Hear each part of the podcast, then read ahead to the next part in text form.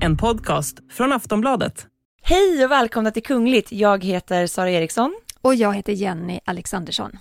Nu blir Meghan stämd i rätten när hennes syster Samantha anklagar henne för förtal. Och en annan kunglighet som har problem med rättvisan det är ju ex-kung Jean Carlos och nu vill han återvända till Spanien. Och så ska vi såklart prata om kungens tal gällande Ukraina och även prinsen som anklagas för fusk i skolan.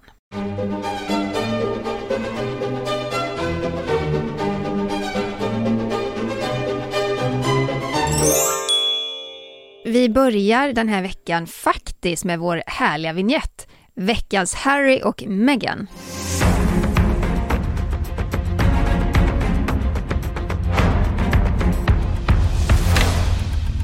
Ja, tänk att vi ändå har det här stående inslaget vecka på vecka. Men det, det slutar aldrig komma nyheter gällande hertigparet av Sussex.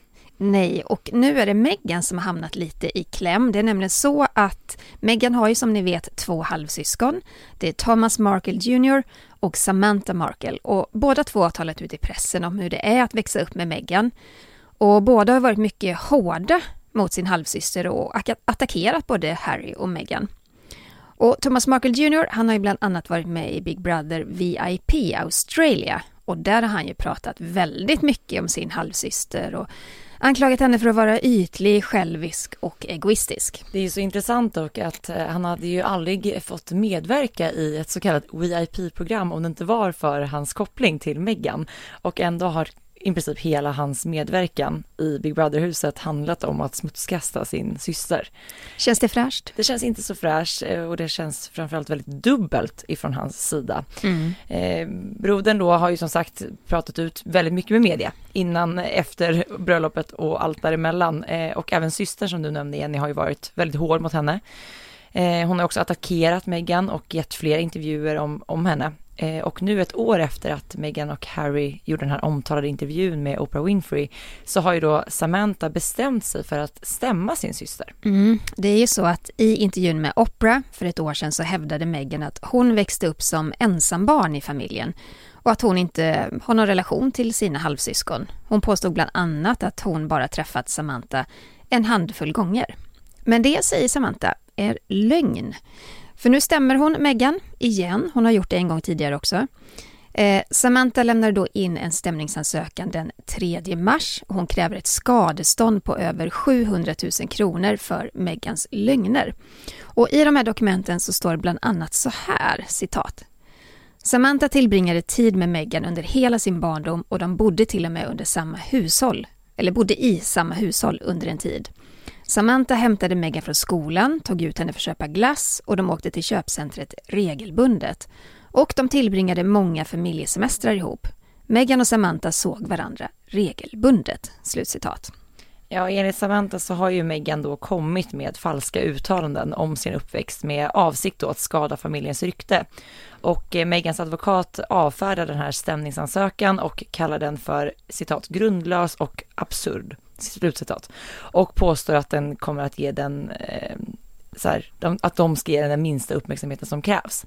Eh, det är bara en, alltså jag, jag tror aldrig att vi kommer förstå oss på den här familjesituationen eller konstellationen, för de vill å andra sidan inte ha någonting med varandra att göra. Men samtidigt slutar de aldrig den här pajkastningen Nej. mot varandra, för den är ju verkligen från från båda hållen. Men eh, jag har ju blandade känslor kring Meghan. Hon är ju komplex person verkligen.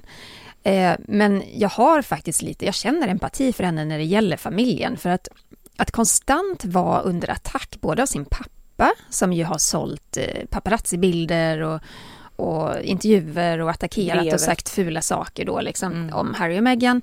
Men också de här två halvsyskonen som verkligen slår mynt av sitt eh, släktskap då med henne. Konstant, kan det aldrig ta slut? Men det känns också som att de ser liksom business och pengar i kopplingen till Meghan och då använder den här eh, vad man kallar osunda relationen eh, mm. som de har byggt upp nu mot varandra och att de ser att de kan tjäna, alltså det här handlar om stora summor pengar mm. eh, och att det verkar inte få något slut på det hela heller. Det verkar liksom som att de är beredda att gå ganska så långt. Men sen är det också dyrt med sådana här rättsprocesser och på ett sätt så tänker jag att jaha, men ska Samantha Markle nu starta den här, det här förtalsmålet mot eh, Meghan det är ju inte så stor chans att hon vinner det. de här uppgifterna som då eh, hon pratade om i, i Opera-intervjun, att de inte känner varandra så väl och hon väx, växte upp som ensambarn. Jag vet inte om det är som förtal, jag vet inte. Är det, det är hennes uppfattning av uppväxten. Men det är ju inte så elaka saker kring Samantha. Jag tycker framförallt, och sen det här motargumentet då att de har köpt glass ihop, det är liksom inte så starkt. Är det inte så starkt? Det känns som att ord står lite mot ord där, eh, men vi kommer givetvis att följa den här eventuella rättsprocessen. Ja, vi stannar kvar i Storbritannien för vi måste också prata om prins Andrew. Vi kanske borde ha en vignett för prins Andrew också. Sen 2019 så hade det ändå varit bra. Mm. För nu har prins Andrew då betalat Virginia Roberts Jeffrey som anklagade honom för våldtäkt. Hon fick ju ett skadestånd för de gjorde upp i godo. Själva summan är hemlig, men det har ju läckt upp uppgifter då som säger att det här skadeståndet ligger på ungefär 155 miljoner kronor. Och ni som inte hängt med, Virginia hävdar att hon tvingades ha sex med prinsen vid tre tillfällen när hon var 17 år gammal. Och de ska då ha träffats via pedofilen och miljardären Jeffrey Epstein. Och det ryktas ju om att både prins Charles och drottning Elizabeth lånat ut pengar till Andrew för att hjälpa honom att betala. Prins Charles påstås då ha lånat ut 7 miljoner pund, vilket är ungefär 90 miljoner kronor. Mm. Och de här påståendena, de har ju såklart väckt väldigt så starka reaktioner. Jag menar, britterna vill ju inte att skattepengar ska gå till att betala liksom prins Andrews skadestånd. Eh, och hovet kommenterar heller inte uppgifterna ifall att det skulle vara så att prins Charles privata pengar eller om det är en del av apanaget. Alltså det mm. vet vi ju inte i och med att hovet inte kommenterar frågan. Nej, så för det, det gjorde de nämligen alldeles nyss. det gjorde de? Det gjorde de alldeles nyss. Eh. Här sitter jag och har inte koll på det. Okay. Nej men det är så här, det, är, det är så här att eh, den här massiva kritiken eh, påverkar ju såklart kungahuset och kungafamiljen också. Mm. Och nu har man då avfärdat de här ryktena och säger att inte en enda krona som betalas kommer från skattepengar. Så det är alltså privatfinansierat då? Mm, mm. det måste det vara. Eh, och sen om det är så att prins Charles lånar ut pengar till sin bror eller inte, det vet vi ju inte, men mycket möjligt att han gör det. Absolut. Eh, men det är också så att prins Andrew, han har ju nyligen sålt sitt lyxhus i Verbier och då fick han ju runt 200 miljoner kronor där, så det finns ju pengar att ta av, det gör det ju. Men självklart kan ju kungafamiljen låna ut pengar till honom. Så är det ju. Men det, kan vi, det kommer vi aldrig få veta. Men eh, det kanske ändå var viktigt då att, att göra eller tydliggöra det här just för att liksom rädda kungahusets eh, mm. anseende och rykte. Jag menar, det klingar inte gott ifall att det, det går skattepengar åt att betala prins Andrew i det här fallet. Nej, men det funkar inte. Vi tar oss vidare till Spanien, för nu ska vi prata om ex-kung Jean Carlos. Han har ju stått anklagad för ganska grova brott. Det var ju därför han mhm. abdikerade 2014 och hans son då, kung Felipe, fick ta över. Men nu har spanska myndigheter lagt ner de här anklagelserna. Eh, Jean Carlos anklagades ju för att ha tagit emot mutor om runt 975 miljoner kronor och de ska då ha kommit ifrån eh, det saudiska kungahuset runt, eh, jag tror det var 2007 eller 2008. Och de har då kopplats till det här kontraktet som spanska företag tecknade för att bygga en snabbtågslinje mellan Mecka och Medina. Och de här, den här utbetalningen då, den är också den är helt sjuk för att den har då kopplingar till Jean Carlos älskarinna, Corinna Susanne Wittgenstein och pengarna ska ha hamnat då i en stiftelse i Panama så att de har uppenbarligen försökt att gömma undan de här pengarna. Och han utreddes ju även för att ha olag, olagligt fört över pengar från ett konto i skatteparadiset Jersey. Så att eh, det har varit två olika parallella mm. utredningar mm. gällande kungen. Men myndigheterna har ju då konstaterat att de, de, kan inte utreda brott som begåtts under tiden som Jean Carlos var kung. För då hade han åtalsimmunitet. Eh, och ganska nyligen så betalade han även av en skatteskuld på cirka 50 miljoner kronor, så då följer även den delen av åtalet. Men det som återstår, som inte är helt utrett än, det är anklagelser om trakasserier och otillåten övervakning av kungens tidigare älskarinna Corinna Susanne Wittgenstein. Alltså hon återkommer ju hela tiden mm. och det verkar ju inte som att de står på god fot med varandra längre. Nej, det har varit väldigt många tvister eh, mellan dem. För de var ett par i flera år. Alltså han hade ju henne vid sidan om drottning eh, Sofia i flera år. Det var väl henne som han var på den här jakten med va? Ja, När han eh, bröt benet. vi vi kommer till det, vi kommer till det. Precis. Eh, men eh, det här då korruptionsanklagelserna läggs då, att de läggs ner betyder ju att Jean Carlos kommer att återvända till Spanien. Eh, det är i alla fall hans önskan och han har skrivit ett brev till sin son, kung Filip, och bett honom då offentliggöra det här brevet så att alla spanjorer ska kunna ta del av det och läsa det. Eh, han vill fortfarande ha Abu Dhabi som sitt hem och sin bas, eh, där han nu bott under en lång tid. Det var ju dit han flyttade efter att han abdikerade 2014. Och han abdikerade ju faktiskt för att alla de här skandalerna hotade liksom att störta ner och skada hela monarkin i Spanien. Mm. Men nu vill ex-kungen hem. Han vill bo på deltid i Spanien så att han kan vara nära, nära sin familj och sina vänner, skriver han i det här brevet. Och jag citerar lite ur brevet. Jag föredrar just nu, av anledningar som tillhör min privata sfär och som enbart påverkar mig, att fortsätta bo permanent i Abu Dhabi, där jag lever i lugn och ro, särskilt under den här perioden av mitt liv. Men jag vill naturligtvis regelbundet besöka Spanien, ett land jag för alltid bär i mitt hjärta, för att besöka min familj och mina vänner. Det skriver kungen då i det här öppna brevet. Men han planerar ju inte återvända till det officiella livet. Han, han kommer ju aldrig någonsin mer kunna representera Nej. spanska kungahuset. Nej. Och han planerar inte heller då att bo i Zarzuela-palatset utan han ska då ordna en egen bostad helt enkelt. Men han skrev ju även i det här brevet att han är väldigt stolt över sin delaktighet i Spaniens demokrati demokratiseringsprocess och folkets frihet. Men att han lägger stor vikt vid den allmänna opinionen mot honom. Ja, för Jean Carlos han var ju en oerhört populär kung. Eh, han blev kung 1975 och då tog han ju över efter diktatorn Francisco Franco.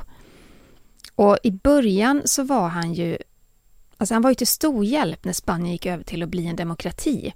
Han avvärjde ju en militärkupp 1981 och då kallade man ju honom efter det liksom för demokrat demokratins räddare.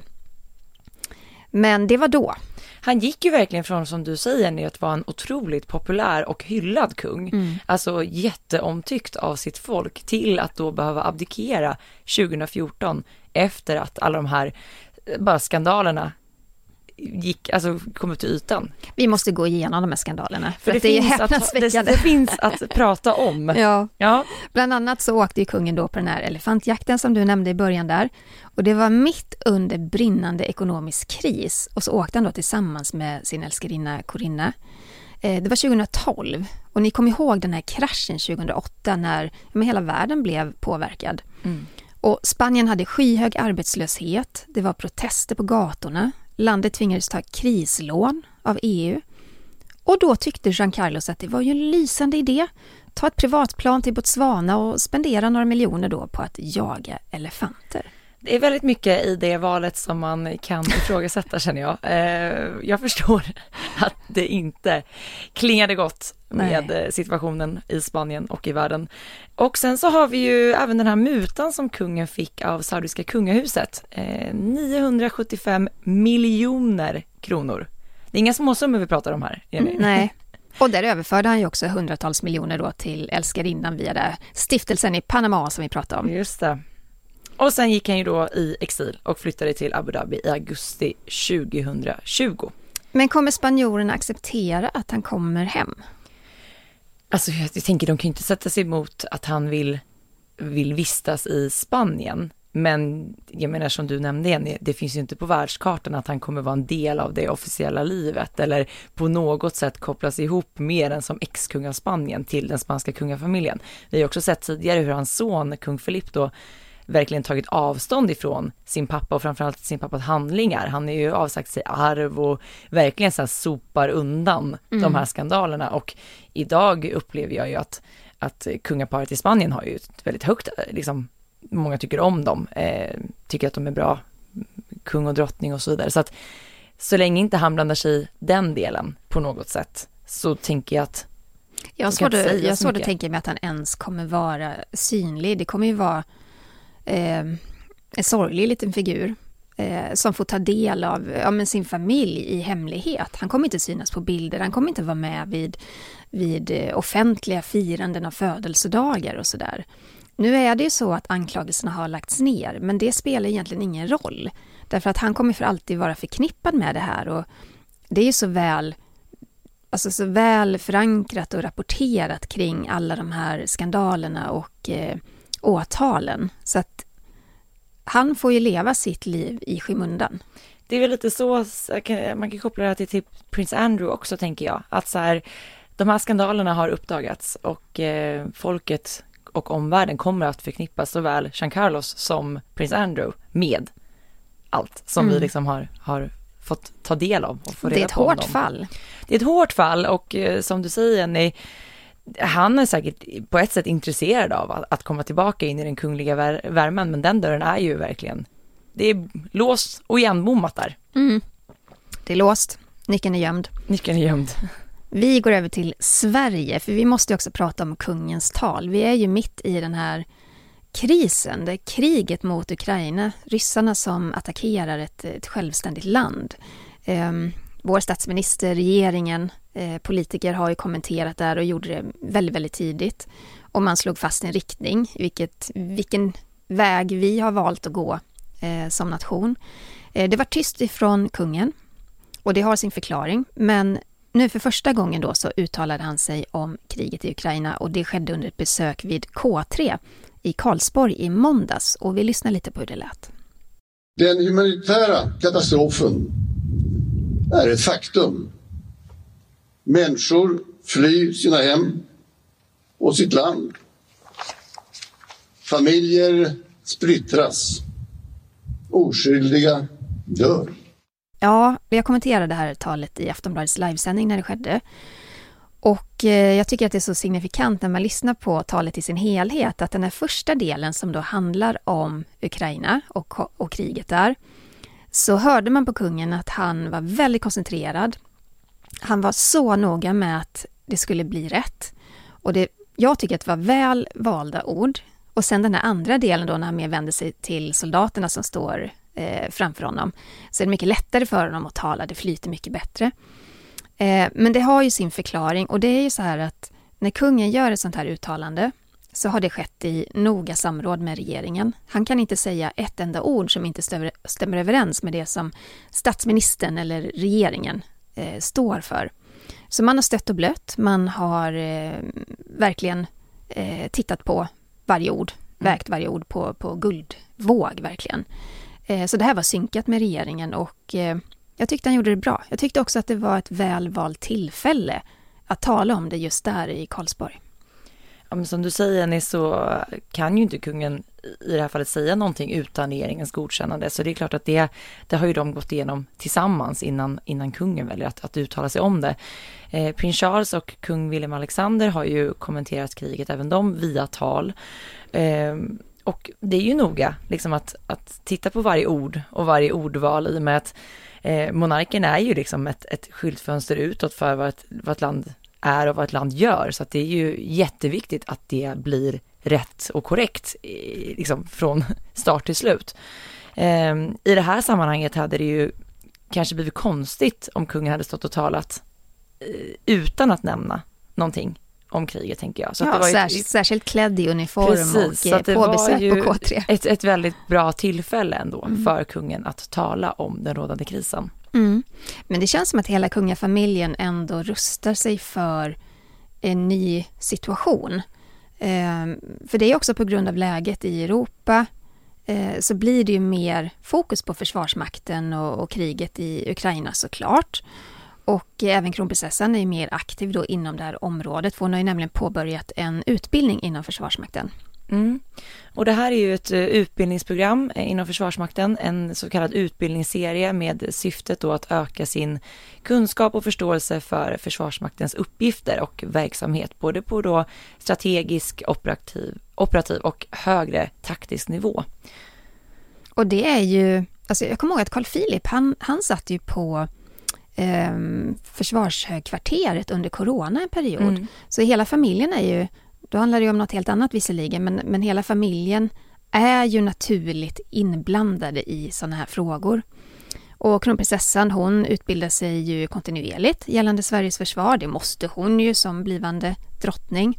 Hon besöker olika verksamheter och går igenom olika utbildningar. Och Eh, vi fick ju följa med kronprinsessan i året med kungafamiljen när hon var med vid hemvärnets övning Gränsland i Sälenfjällen. Det tycker jag var ganska spännande att se faktiskt. Det var väldigt dramatiskt, för där tror jag, det var väl någon så här, de, de övade ju på eh, någon som hade blivit skadad, att de skulle Ja. ta hand om en person som var skadad ute på fältet. Jag vill kunna sånt. Jag vill också kunna sånt, jag tycker vi alla borde kunna sånt. Eh, och där fick man då följa med när kronprinsessan närvarade vid den här övningen. Mm. Jag tror till och med att de startade året med kungafamiljen för det, så det blir väldigt så dramatisk, Dramatisk. start.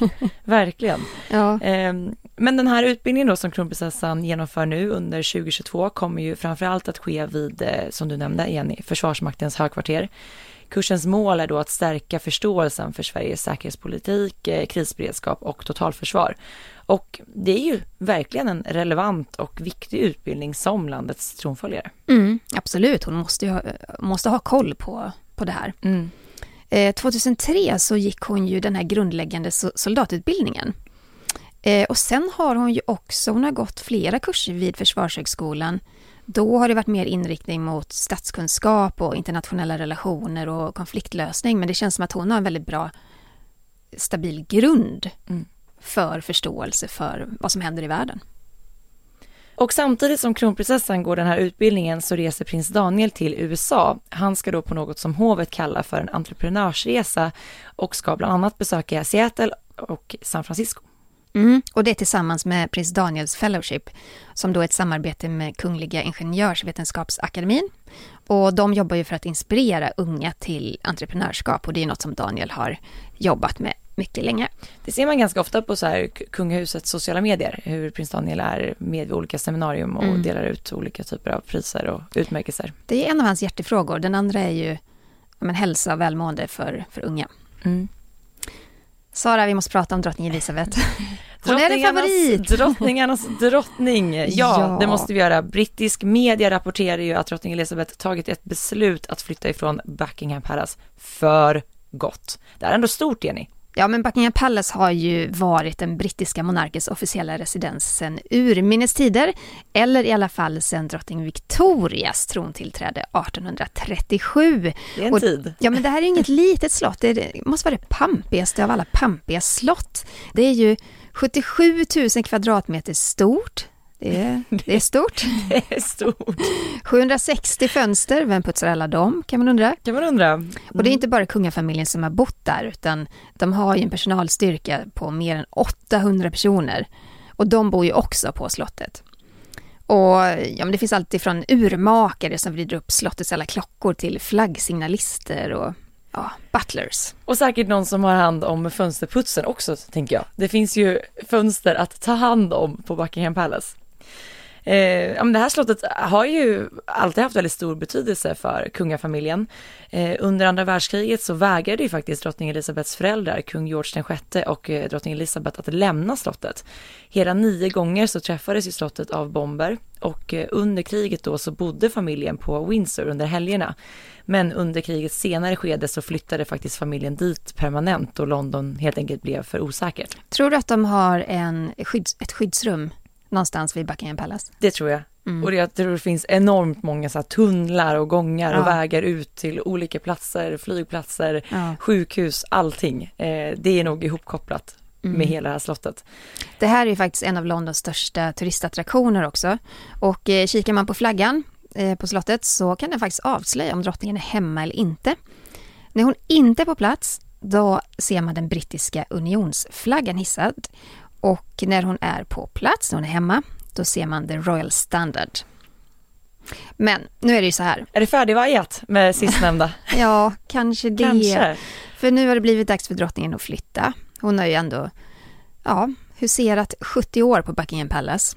Men när pandemin bröt ut, bröt ut då i början av 2020 så flyttade drottning Elizabeth och prins Philip till Windsor Castle, det är ett annat favoritslott. Mm.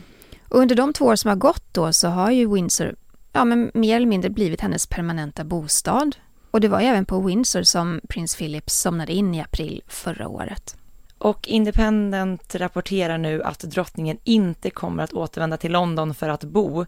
Eh, kungliga skribenten Hugo Wickers har kommenterat flytten och säger så här, citat. Hon har sina minnen med prins Philip där, hon har sina hästar där och sin familj i närheten. Så det är inte konstigt att hon vill bo kvar på Windsor. Slutcitat. Och vi måste också säga någonting om Windsor för att det är helt sjukt. Eh, det är ett ovanligt levande slott, men det är också världens största slott. Alltså Det- tänk dig världens största slott. Det har tusen rum.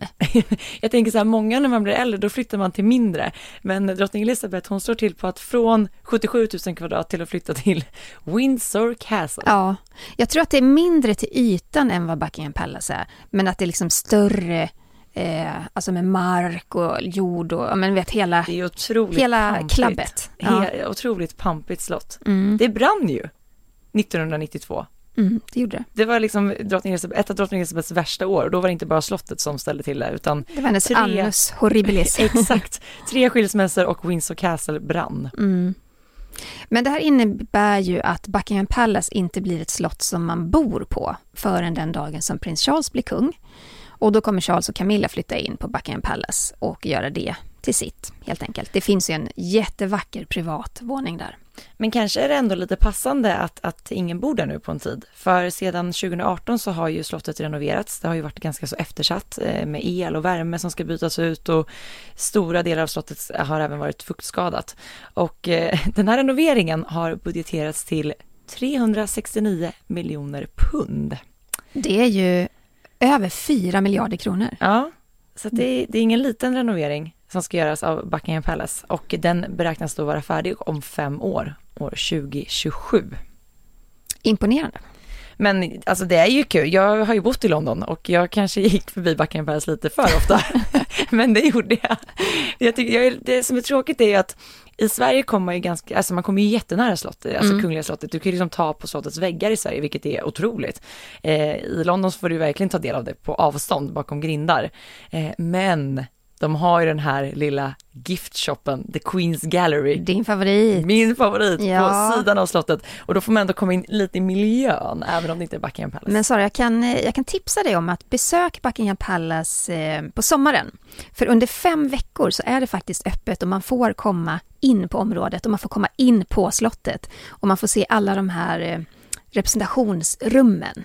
Så det går att, att ta sig in, men då får man pricka in de här fem veckorna när Elisabeth inte är där. Jag flyttade alltså från London i april. Jättedålig timing. Dålig timing. Det blir ett Mm. återbesök. Ja. Nu ska vi förflytta oss till Japan. Det är inte så ofta vi pratar om japanska kungahuset, men nu har en stor skandal briserat. Prins Hisahito, han anklagas för plagiat av sin, ja men ett examensarbete helt enkelt. Eh, han är 15 år gammal Eh, och eh, ja, men uppenbarligen går i skolan, förbereder sig för högre studier. Och den 15 februari så kontaktades det kejserliga hovet av eh, en japansk tidning som uppmärksammar då att Hisahitos skolarbete innehåller flera delar som var mycket lika, om inte identiska, med en annan text vars källa då han inte har angivit. Och det här är ju såklart jättepinsamt och kanske lite extra i Japan där det, där det japanska kungahuset står liksom för moraliska värderingar och eh, är respekterat på ett, på ett sätt som vi kanske inte riktigt känner igen eh, i västvärlden. Ja men verkligen och hovet svarade ju därför ganska så snabbt redan dagen efter med eh, ett pressmeddelande där de då skriver att prinsens referenslista varit otillräcklig och att eh, prinsen nu skulle granska den här listan för att kontrollera om fler källor behövde läggas till förutom den här då som påpekades saknas av tidningen. Vilket jobbigt uttalande att göra. Verkligen. Jag tror att, som du säger Jenny, jag tror att familjen tycker att den, de här anklagelserna är väl, väldigt jobbiga. Ja, lite grann har man ju betraktat eh, kejsaren i Japan som delvis gudomlig. Man tänker inte riktigt så idag på det viset, men respekten för kungen och kungahuset är oerhört stor. Och det här, det här är lite som att tappa ansiktet. Men den här essän då som, som prinsen har skrivit, det handlar om Ogasawara-öarna och är baserad då på minnen från en resa som prinsen genomfört, eller ett besök där som, som han har gjort med sin mamma Kiko. Och prinsen fick faktiskt pris för den här texten i mars 2021 via skolan han studerar på då. Men som sagt, nu har det uppstått då det här delikata problemet att alla textdelar eh, inte är hans helt enkelt och att de är hämtade från en välkänd essä. Mm. Och prins Hisahito, han har då plats nummer två i tronföljden, så han står ju nära tronen. Eh, och han är den enda sonen då till arvprins Fumihito och arvprinsessan Kiko. Sen har han två äldre systrar också. Ja, men det har han och framförallt har vi pratat mycket om hans ena syster Mako som eh, för en tid sedan eh, var tvungen att lämna familjen för sitt äktenskap med Kei Komuro. Eh, så att de har flyttat till USA och hon är inte längre en del av familjen. Mm. Eller en del av familjen men inte, inte kungahuset. Nej. Och sen har jag också prinsen, ytterligare en syster, eh, prinsessan Kako Alltså vad roligt. Alltså det är ändå gulligt att de har döpt båda döttrarna till Mako och Kako. Jag, jag tycker, det är väldigt fint. Det är fint. Men eh, det har ju varit väldigt stormigt runt familjen nu den senaste tiden. Jag tänker, jag menar, en hel värld bevakade ju faktiskt det här bröllopet mm. eh, mellan Mako och Keiko Muro. Just för att jag menar det, det, känns så konstigt att 2022 eller när det var 2021 inte kunna gifta sig efter hjärta utan att det då anses fel. Mm. Eh, och att det då kräver att man liksom lämnar sin familj och flyttar till USA för att man inte längre kan vara en del av, av den här kungliga sfären på grund av mm. att man har valt att gifta sig med en man av folket. Mm. De borde kika lite på Sverige, se hur det vi gör. Det tycker jag verkligen. Men de har en helt annan historia det här gamla, gamla anrika kejserliga hovet. Det är också lite svårt att ta till sig, jag menar, eh, man, man ser ju på kungafamiljen på ett helt annat sätt där än vad man gör till exempel i Sverige. Så att mm. det är lite svårt, det är ändå svårt att relatera till på något sätt. Ja, men eh, prins Hisaito är ju inte den enda som har fuskat i skolan. 2004 eh, så anklagades faktiskt prins Harry för att fuskat sig fram till sina examensbetyg. Han anklagades av sin förra konstlärare på den privata elitskolan Eton och hon berättade för medierna att hon tvingades hjälpa Harry till bättre betyg. Och enligt henne så skulle prins Harry egentligen ha blivit underkänd. Men Sarah Fawcett, som hon heter, tvingades ändå ge honom bra betyg. Och det här har skolcheferna på Eton bestämt förnekat. Det stämmer inte, menar de. Känsligt ämne. Mm. Mm. Men det finns då en hemlig inspelning mellan konstläraren och prins Harry som avslöjar att Harry, eller alltså han erkänner på band att, eh, att det var hans lärare som skrev det mesta av examensarbetet. Och det här är brittiska medierna, de gick i bananas 2004 då när det här kom fram. Orsaken var att prinsen behövde högre betyg för att komma in på militärhögskolan Sandhurst Military Academy. Jag hade också behövt lite hjälp på bildbetygsfronten, kan jag säga. och jag älskade bild. Jag kan tänka mig att du har ett öga för det och är duktig på det, Jenny. Jag kan knappt rita en streckgubbe. Åh, oh, jag längtade till bildlektionerna. Oj, oj, oj. Nej, där, vi har olika uppfattningar om bild. Mm. Men eh, det där var ju såklart en skandal i sig, att Harry fuskade sig till betygen. Nu så ska vi prata om prinsessan Latifa, eh, vilket vi gjort flera gånger tidigare här i podden. Eh, ni som har lyssnat tidigare vet att prinsessan försökte fly från sin familj i Dubai 2018 men togs till fånga och eh, sedan har det varit mycket tyst om henne. Latifa är ju dotter till Dubais ledare och emir Sheikh Mohammed bin Rashid Al Maktoum. Eh, han är en av världens rikaste män och även vicepresident i Förenade Arabemiraten. Ja, men det som är så dramatiskt med Latifa det är ju att hon försökte fly Dubai och sin far i mars 2018 tillsammans med sin vän kampsportaren Tina Jahuainen. Och de försökte ta sig till Indien med båt. De åkte först gummiflotte och sedan jetski innan då man kunde gå ombord på en, en yacht som ägdes av en fransk affärsman, Hervé Robert. Och han då skulle ta dem till Indien och sen vidare till USA. Men de stoppades på internationellt vatten och elitstyrkor stormade båten. Och Latifa fängslades då och fördes tillbaka till Dubai och sen blev det helt tyst. Och vänner och personer i hennes närhet har ju liksom fruktat att Latifa då hållits drogad och fängslad i hemlandet. Och eh, ungefär ett år efter att hon fängslades så fick hon en mobiltelefon då insmugglad där hon då hölls fången. Eh, och Latifa spelade då in flera videoklipp som hon skickade till nära vänner. Och i de här videoklippen så berättar hon om sin svåra situation och hoten hon lever under.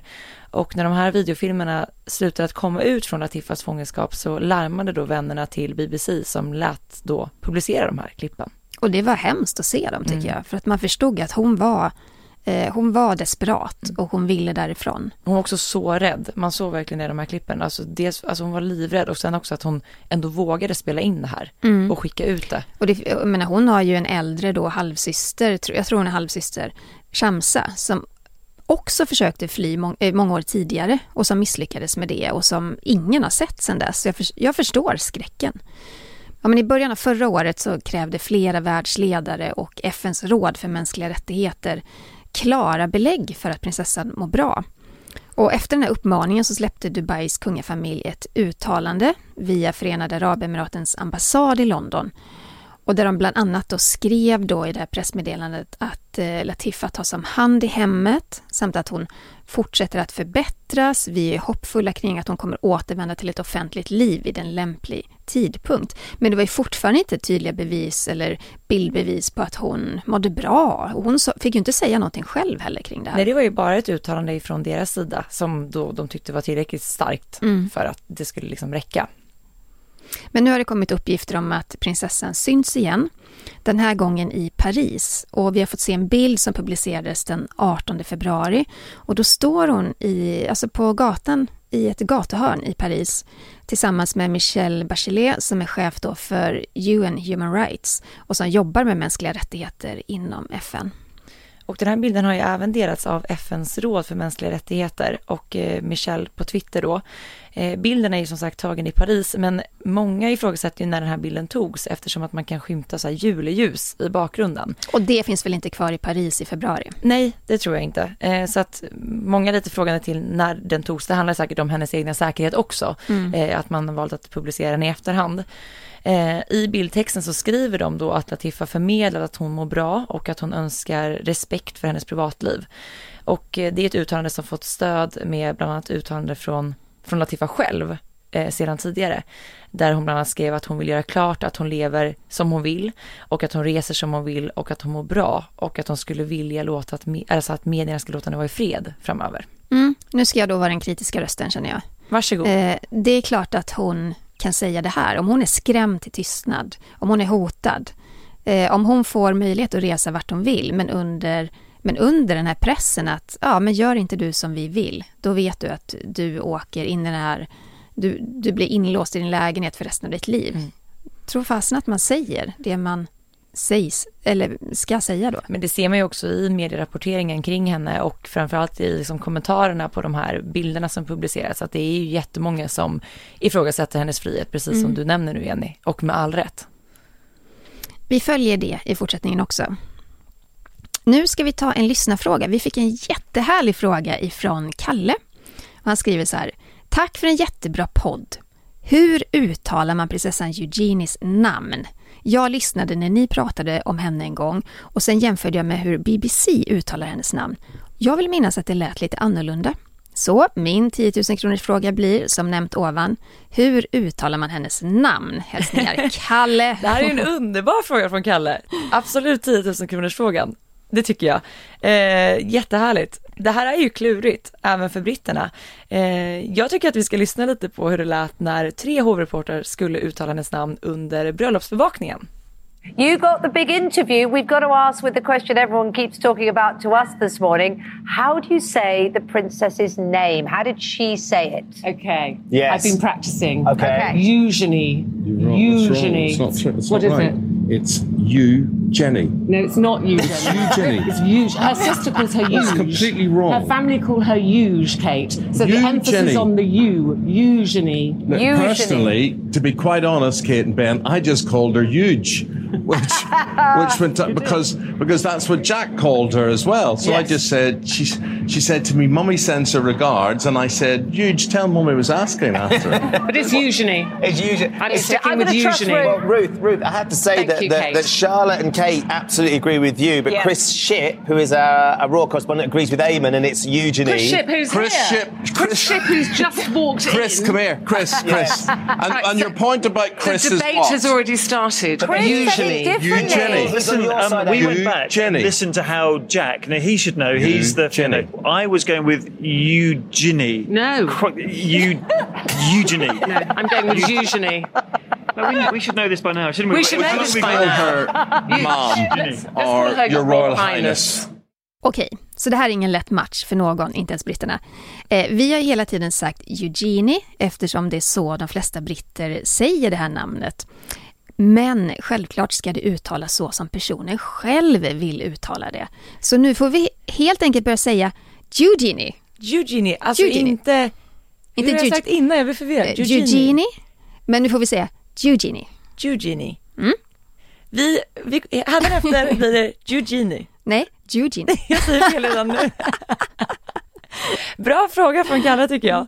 Jag ska slipa på mitt Eugenie Eugenie. Uttalande. Fortsätt gärna skicka in fler frågor till oss. Om inte 10 000 kronors frågor så andra frågor är också välkomna. Det gör man till kungligt aftonbladet.se. SC. Och följ oss på sociala medier. Jag finns på Instagram, kungligt med Jenny. Och var finns du Sara? Man hittar mig på royalistan.se och där uppdala, upp, vad säger, uppdaterar vi dagligen. Det gör vi. Tack för att ni har lyssnat den här veckan. Vi hörs nästa vecka. Hej då! Tack så mycket, hej då! Vilket jävla avsnitt! Ja. Du har lyssnat på en podcast från Aftonbladet. Ansvarig utgivare är Lena K Samuelsson.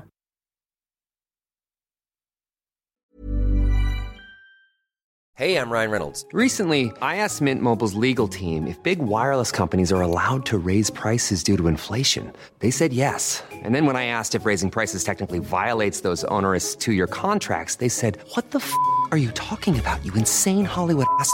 So to recap, we're cutting the price of Mint Unlimited from $30 a month to just $15 a month. Give it a try at mintmobile.com slash switch. $45 upfront for three months plus taxes and fees. Promo rate for new customers for limited time. Unlimited more than 40 gigabytes per month. Slows. Full terms at mintmobile.com.